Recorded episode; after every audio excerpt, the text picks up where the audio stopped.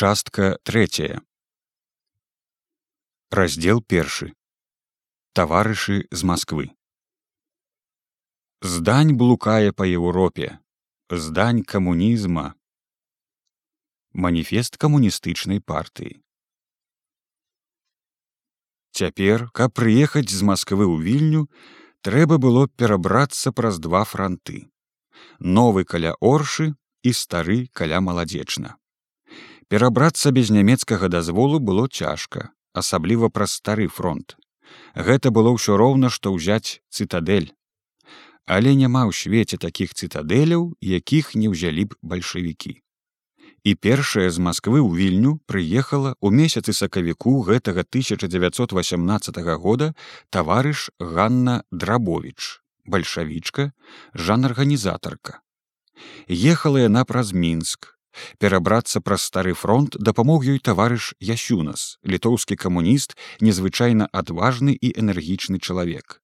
Пагінуў ён на латвійскім фронце ў 1919 годзе смерцю героя. Ганна драбович таксама літоўская камуністка. Родам знеткуль з-пад горада тэльшаў.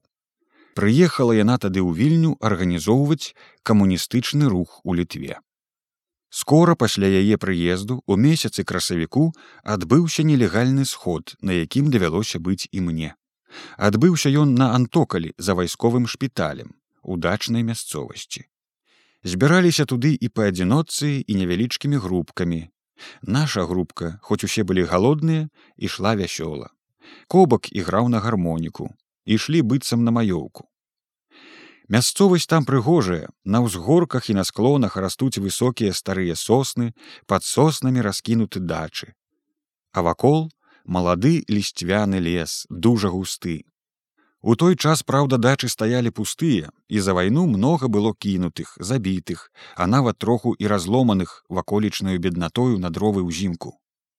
І хоць ішла вясна і прабівалася зялёная травіца, было там пустынна. А таму, хто жыў тут раней, п'ючы салодкае жыццё, было б тут цяпер пэўна вельмі сумна сярод гэтых руін і запусцення. Калі сабралася чалавек з паўсотні, пачала Ганна Драбович гаварыць. Гаварыла яна проста, без усякіх красамоўных выкрунтасаў, не так як тыя нашы лідары, якіх наслухаліся мы ўжо досыць. Гаварыла яна, як гаворыць свой блізкі са сваімі блізкімі, Вось быццам прыехала са свету дамоў дзяўчына і апавядае, як там дзе людзям жывецца. Не хавала яна ад нас, што там і цяжка. Але, здаецца, з радасцю паляцеў бы туды на гэтае цяжкае.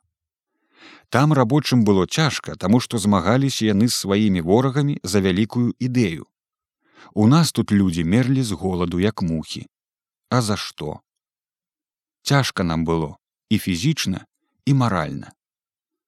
Яна старалася як найлепей растлумачыць нам вялікі сэнс вялікай пралетарскай рэвалюцыі. А было ўжо ўсё так ясна, што здаецца і сам раней якраз вось гэтак думаў, толькі не ўмеў акрэсліць. Зрабілі простае галасаванне. 22 чалавекі падалі голас за кампартыю. І ўсе да аднаго рабочыя.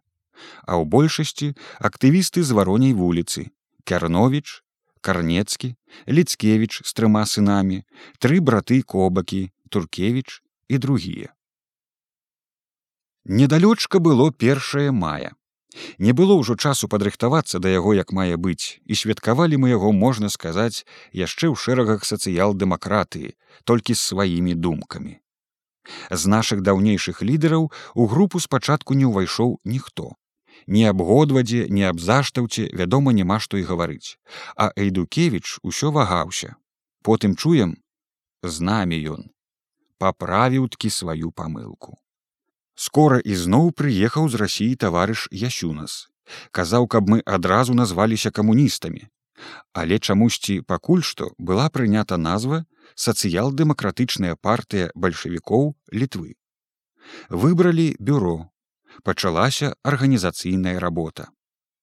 Паехалі таварышы ў правінцыю, каб там рабіць раскол сацыял-дэмакратычных арганізацый і ствараць бальшавіцкія ячэйкі. Наладзілася сувязь з мінскам, смаленскам і Масквою. Весці работу было цяжка, бо нічога тады немцы так не баяліся, як камуністычныя заразы. І Ганну Драбовіч, калі паехала ў правінцыю, яны скора арыштавалі і пасадзілі ў турму. Сядзела яна доўга, аж да нямецкай рэвалюцыі.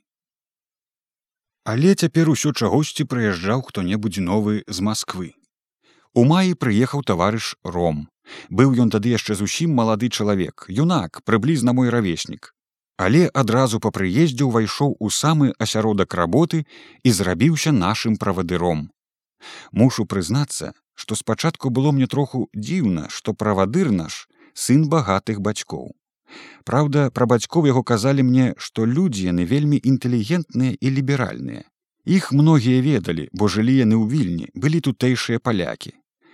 Але ўсё ж штосьці мне рупіла прабрацца ў самую сутнасць таварыша рома.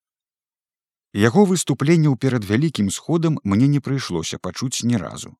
Я зрэдку бачыў яго ў невялічкім пакойчыку на варонняй вуліцы, і там жа зрэдку чуў ад яго пару слоў па якой-небудзь справе. І так мімаходам да яго прыглядаўся. Сярэдняга росту, не буйны, але складны, моцны і ходзіць трошачку ў развалку. Ды ўжо і ў гэтай яго хадзе чуецца схаваная энергія і нясходаная, толькі нібы замаскаваная упорлівасць. Твар белы, лоб вялікі, і бровы расходзяцца канцамі ўгару. Нос круглы, але з энергічнымі троху нервовымі рысамі. Губы тонкія і таксама троху нервовыя, асабліва куткі іх. Шэрыя разумныя вочы. Слухае, быццам не вельмі ўважна, быццам думае ў гэты час нешта сваё. А паглядзіць і ў поглядзе праніклівасць, усяго ён цябе ведае. І я думаў, цвёрдая, асцярожная, але мусіць захавана страсная натура. Захаваная рашучасць на ўсё. Гэты чалавек не пабаіцца рашучых учынкаў. І было мне гэта ў ім прыемна. Ён мне падабаўся. Трымаўся ён з усімі незвычайна проста і скромна, па-таварыску, па-кампанейску.